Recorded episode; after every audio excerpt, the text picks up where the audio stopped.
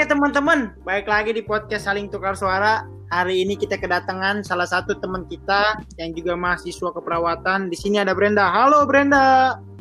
Halo guys. Halo. Oke, Halo. coba bisa perkenalkan diri terlebih dahulu. Ya halo, kenalin nama gue Brenda. Gue salah satu mahasiswa keperawatan di Universitas Jakarta. Eh, Brenda, kalau boleh tahu, akhir-akhir ini kesibukannya apa sih? Kesibukannya eh, cuma kuliah aja sih karena kalau gue kuliah full dari Senin sampai Sabtu gitu, cuma minggu doang yang libur. Jadi ya kuliah terus aja. Brenda, tahu nggak kalau hari ini kita undang untuk bahas apa? Nggak tahu, cuma diundang doang. Eh, hari ini rencananya kita mengangkat tema kesehatan. Oke oke. Karena kan akhir-akhir ini juga lagi masa pandemi, seperti yang kita tahu. Mm, Terus kita juga punya narasumber yang berbasis pengetahuan kesehatannya lumayan bagus, yaitu Brenda, ya, sebagai mahasiswa keperawatan. Oke deh, nggak usah basa basi lagi. Coba Christian langsung mulai ditanya-tanya. Kenapa lu pilih masuk sekolah tinggi ilmu kesehatan? Oke, jadi kenapa gue milih masuk sekolah tinggi ilmu kesehatan? Karena pertama emang itu emang sebenarnya sih gue dari dulu emang cita-citanya pengen jadi kayak di bidang kesehatan gitu. Eh, Terus awalnya sih gue mikir dokter kan, cuma gue kan mikir-mikir ke sini-sini lagi. Kuliah dokter tuh nggak gampang, biayanya mahal. Jadi gue nggak mau ngebawain orang tua orang tua gue juga kan. Terus gue gue mau mutusin jadi perawat ini tuh pas SMA kelas 11 Mm-mm. gue kayak terus juga lain hal tuh di keluarga gue juga kata-kata orang perawat jadi gue kayak kalau ketemu tuh kayak selalu di omongin tentang masalah perawat gitu kamu masuk ini aja kamu masuk sini aja nanti kerjanya enak gini gini jadi gue kayak kayak tertarik aja masuk situ gitu loh Ya, Oke.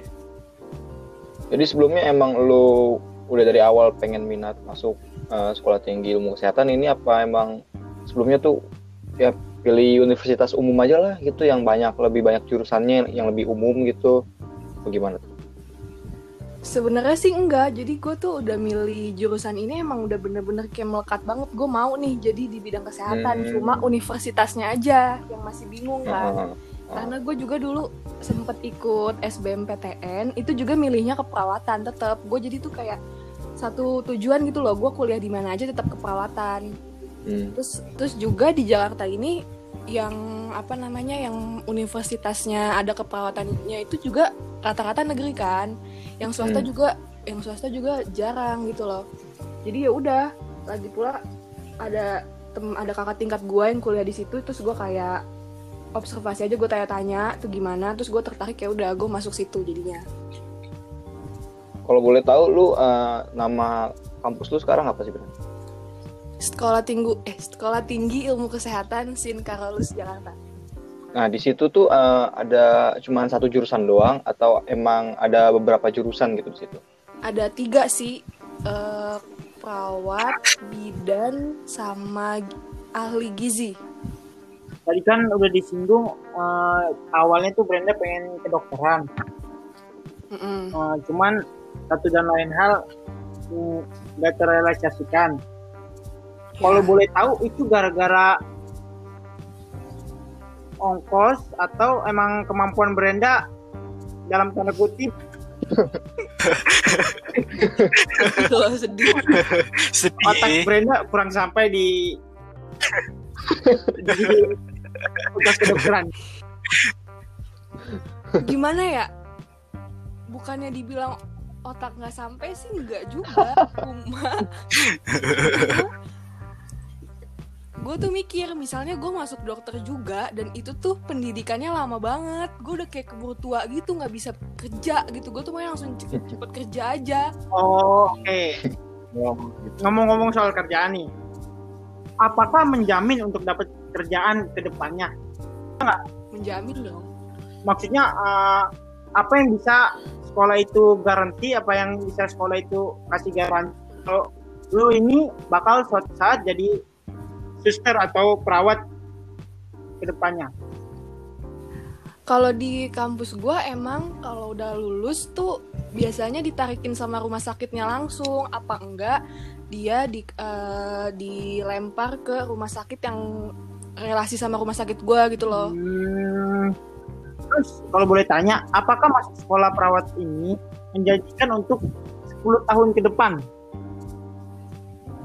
Menjanjikan karena kesehatan tuh penting, kesehatan tuh mahal. Hmm. Nah, karena kita juga udah singgung soal kesehatan, kan akhir-akhir ini juga lagi demam yang namanya pandemi corona. Ya. Menurut Brenda, dengan adanya corona ini, Brenda bisa berubah pikiran nggak? Atau malah makin yakin untuk menekuni sekolah perawat ini?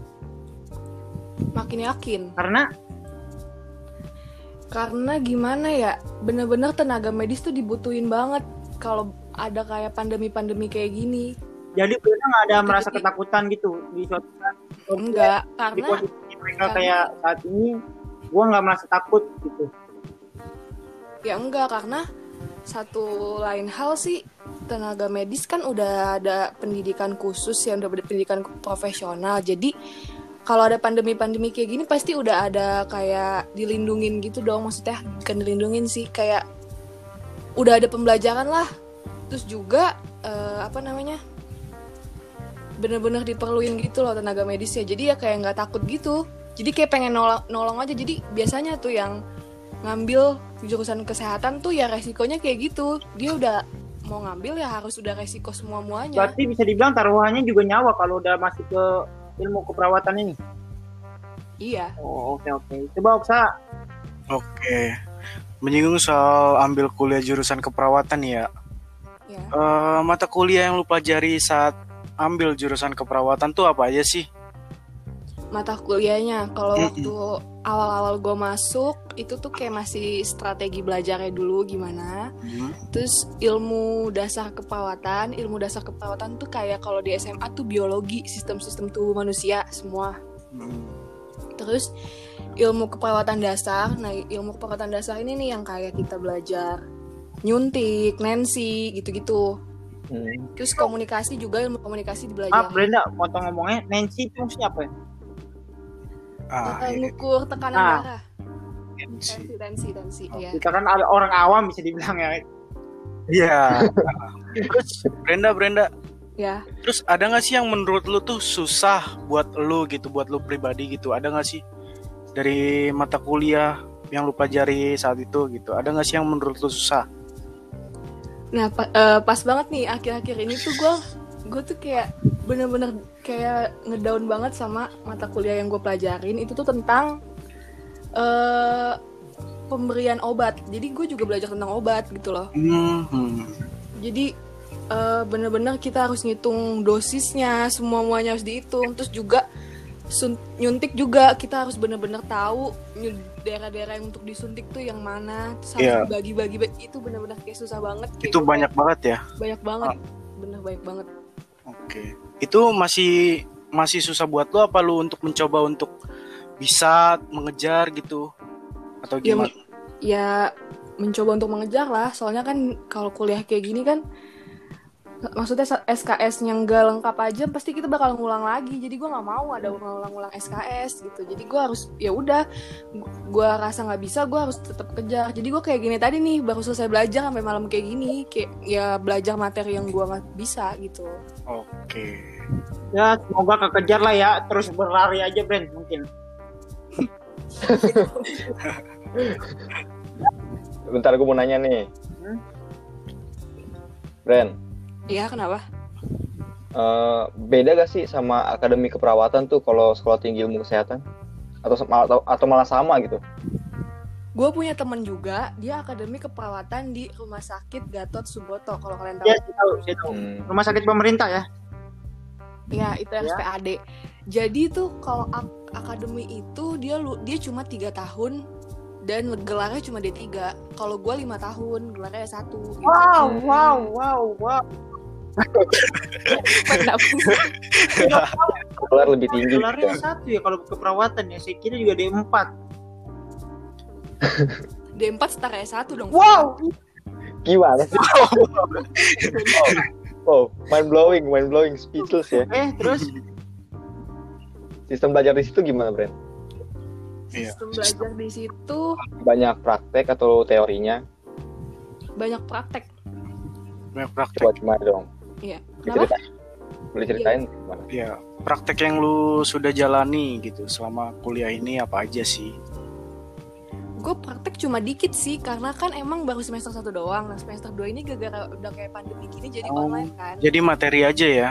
Jadi materi aja kalau yang semester 1 sih prakteknya kayak sistem tubuh masih sistem tubuh gitu kayak iya Hmm, kenapa lu lebih pilih sekolah tinggi Saint Carolus ketimbang sekolah tinggi kesehatan yang lainnya.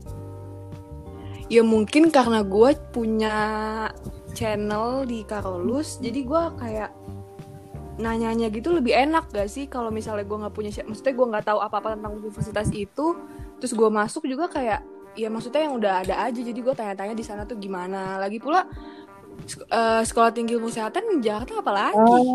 Coba. Jadi lu ada teman di situ ada kenalan lah ya yang masuk situ ya ada ada Ada. Oke teman-teman suara, ini mau kasih tahu aja ini sebenarnya perilaku yang nggak baik. Ada orang dalam bisa dibilang berarti itu. Dalam. bukan Power of orang dalam ya. Kalau nggak mencontohkan mendengar kita. Yang lain. Oke oke lanjut lanjut Chris. Oke, jadi eh, gini gue mau nanya, sekolah tinggi kesehatan itu khususnya di jurusan lu ya, Mm, yang banyak diminati itu kebanyakan cowok apa cewek sih? cewek cowok di kelas gue minim banget bener-bener minim Berapa tuh? Ini sebenarnya sih sebenarnya tuh zaman sekarang tuh yang diperluin tuh perawat cowok daripada perawat cewek cuma nggak tahu Kenapa? apa mungkin Kenapa tuh karena faktornya? mungkin tuh ya soalnya kalau perawat cowok gimana sih lebih kuat dong nggak sih kalau misalnya ada pasien kalau perawat cewek ngangkat pasien aja harus berapa orang kalau cowok kan oh, Oh, di masalah Tapi- situnya ya. Kuat berarti. dalam artian tenaga. terus tenaga ya, Kan? Tenaga. ya beda-beda dong tiap gue nggak tahu Oke. Bre- Brenda, gue mau nanya-nanya nih. Nanti ujian akhirnya dalam bentuk apa sih? Oh ujian akhir jadi eh kalau di gua namanya ukom ujian kompetensi Oke. harus Itu jadi tuh tertulis ya itu. jadi tuh ujian kompetensinya itu tuh kayak kayak kayak UN kayak lu kayak kayak UN gitu tapi soal-soalnya itu tuh kayak soal-soal mengenai pasien misalnya gimana ya misalnya pasien ini ini ini, ini dia punya penyakit apa jadi kita harus bisa ngediagnosa jadi ya benar-benar gitulah pokoknya Berarti ter- Tertulis ya ujiannya ya. nggak tahu tertulis nggak tahu online sih cuma Oh. sistemnya kayak UN gitu gua Oh. kalau kom berarti sama aja kayak lagi praktek langsung keluhan ke dokter gitu ya, hitungannya. kalau sih? praktek kalau Iya. praktek langsung gue beda lagi ada lagi Oh, ada lagi tuh. jadi gue kalau misalnya gue kan biasanya kan kuliah 4 tahun kalau gue lima tahun nih ya. Hmm. ke empat tahun kalau kalau dokter tuh biasanya tuh koas namanya Artinya koas. untuk menggambar. Apa tuh? koas itu tuh apa itu kuat BTW.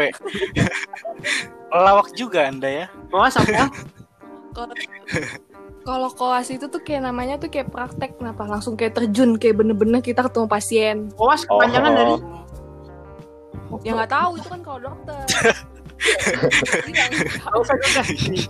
Kita ya. Digas oleh bintang tamu ya. Jadi gini. Brand.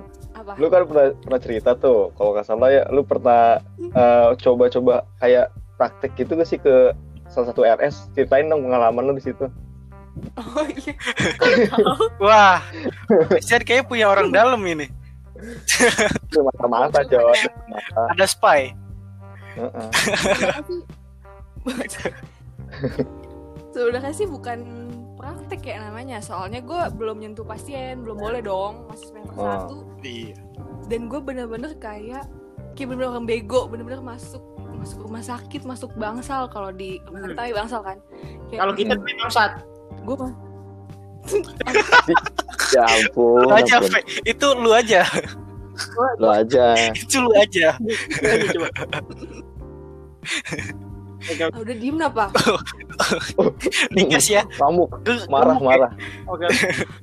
Iya jadi terus. jadi gue belum juga gue belum pakai pakaian perawat masih hitam putih gue bener kayak OB sumpah kayak OB PKL ya, PKL. ya PKL bener cuma gue masuk nih gue satu kelompok tuh ada empat satu kelompok gue berempat tuh gue masuk ke unit di mana unit itu tuh khusus pasien diabetes mellitus tuh tau gak diabetes mellitus tuh kencing manis yang Iya. seluruh tubuhnya tuh bener-bener luka Oh my God. banget sumpah Waduh. Banyak nana gitu ya. Iya banyak mana gitu-gitu kalau di dalam unit itu gue nggak nggak bisa mikirin sih kayak gimana. Hmm. bener-bener terus eh terus kepala ruangnya juga galak banget. Gue mau ngomong juga ya ya udah gue terus tiba-tiba dipanggil lah gue tolong bantuin kata susternya gitu. Nah, iya iya kenapa kak? Gue nggak manggil sus katanya panggil kak aja katanya. Ya kenapa kak? Terus itu tolong dong gantiin infus gitu. Terus gue Hah? Ganti infus. Sedangkan gue belum belajar infus kan.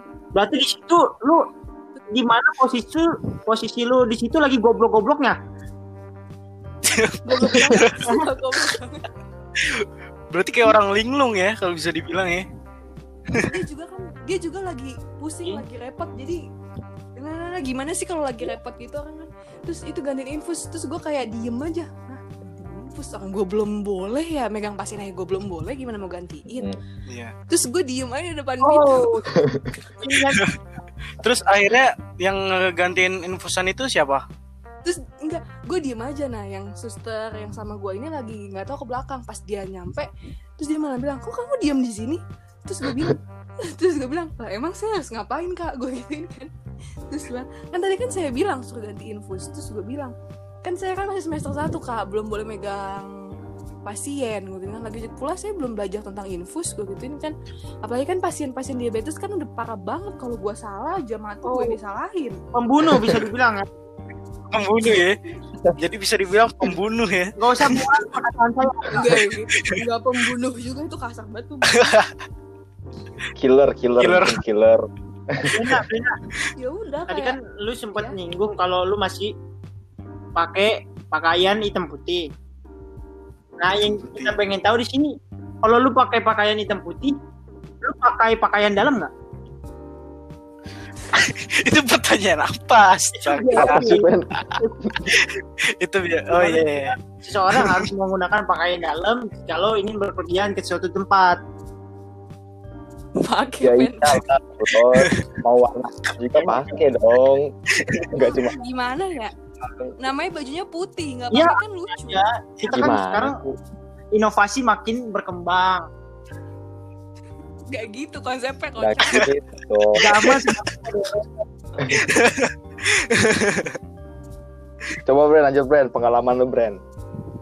ya udah itu aja yang malu bener-bener malu. Terus yang jadi gue suruh bawa pasien kayak tempat tempat tidur tempat tidur ya harus gue bawa ke lantai bawah ke tempat radiologi. Oke. terus gue nggak sendiri gue ada sama perawat senior terus Hmm. perawatnya bilang kamu kamu tarik tempat tidur yang depan ya kakak yang belakang nanti kita tarik aja gitu masukin ke lift tempat tidurnya empat sama tempat tidurnya semua dibawa Oke. dan posisinya di situ banyak banget keluarganya si pasien ini terus gue Terus? kayak ya Tuhan ya Tuhan nanti gue gue kalau nggak bisa gimana ya ya sumpah gimana kalau kalian di posisi gue Gua sih lagi udah sih nggak bisa mikirin gue di posisi lu, Bro. dan kayak gitu eh, udah nih di depan lift nih udah sejauh itu baik-baik aja lancar-lancar aja di depan lift pas liftnya kebuka masuk lah gue kan Aduh, gue gak kuat Apa, Bren? cerita aja, cerita. pengen kencing atau pengen nangis nggak kuat apa? Apa pengen nyanyi kan tiba-tiba? Brenda coba bisa tolong dengarkan kan? Awal mulu. Tahu mulu ya. Maaf ini bintang tamunya sedikit receh emang ya. ya ya ya oke balik lagi balik lagi jadi pas liftnya kebuka kak eh, suster yang seniornya bilang kamu duluan masuk gue masuk terus gue tarik dong tempat tidurnya kan liftnya itu kan cuma muat itu tempat tidurnya tempat tidur yang gede bukan yang kecil buat satu itu yang gede yang buat dua orang terus Mm-mm. gue masuk eh, kayak nyangkut gitu loh gue kan nggak ngerti ya Nyang- kayak nyangkut apa? gitu Nyangkut. kayak Nyangkut. Iya itu. Jadi nih gimana sih ngejelasin lantai. ini lift nih. Lift kalau kalau posisi tempat tidur yang nggak pas kan nggak bisa Hmm? ketutup dong lift ya? Oh, kayak keluar gitu ada kayak jadi kayak eh, roda tempat tidur tidurnya ada yang keluar ada yang belum masuk karena gue nggak bisa nariknya. Gue kayak ini gimana kak? Terus dia bilang itu kamu roda tempat tidurnya dinaikin dulu. Terus gue bilang dinaikin gimana? Kan gue bener-bener nggak ada gambaran sama sekali terus gue kayak itu kamu injek aja kamu injek aja ini udah aku injek kak tapi nggak bisa bener-bener itu diliatin semua keluarga pasien banyak ya Pasien. ampun. Uh, pasiennya juga itu udah kayak kayak gimana sih dia tutup mata nggak sadar tapi mengeluarkan suara gitu loh kayak dia tuh udah kayak aduh gila sih itu mah. Itu tanggal brand kenapa pasiennya? ya ampun nyawa gua. Ya ampun, ya nyawa gua Itu kayak dalam hatinya kayak gitu tuh. nyawa gua dibuat bercandaan ya ampun. enggak terus gue kayak ya gimana gimana terus gue gitu kan. Terus yaudah kamu keluar dulu dikeluarin lagi lah tuh tempat tidur bener-bener lama banget untuk masukin ke lift aja. Terus akhirnya suster duluan yang masuk lah tuh. Ini kamu kayak gini terus gue kayak nunduk aja lah. Terus untung keluarga pasiennya baik bilang gini ya mungkin ini masih belajar sus gitu. Terus gue kayak senyum senyum senyum aja. Terus udah terus udah tahu radi ruang radiologi tuh kan suka mengeluarkan listrik ya jadi nyetrum nyetrum gitu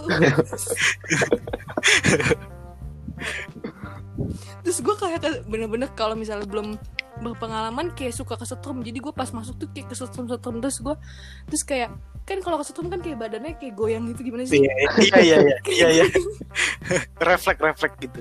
refleks terus keluarga pasiennya kenapa kesetrum ya dek terus gue bilang iya bu gue gituin kan iya emang ini kayak gini kalau nggak biasa kayak gue malu banget bener-bener berhadapan sama dokter. Terus dokternya nanya kamu siapa? Gitu kan jadi gue tuh masuk ke dalam pas pengecekan radiologi itu yang pakai alat. Terus Mm-mm. karena eh, pa- karena susternya bilang kamu tunggu di sini aja tunggu pasiennya. Ya udah gue di situ dong.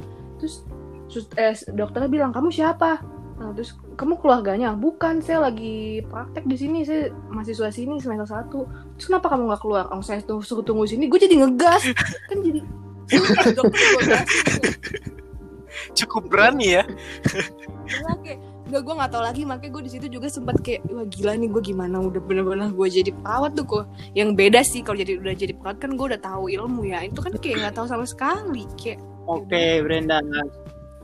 Mungkin ini pertanyaan terakhir Bentar, dari bentar. kita semua Gua ya. boleh Oh masih ada, uh, masih ada. mungkin buat episode kali ini kita bisa petik pelajaran berharga bahwa kita tuh jadi orang jangan kurang ajar.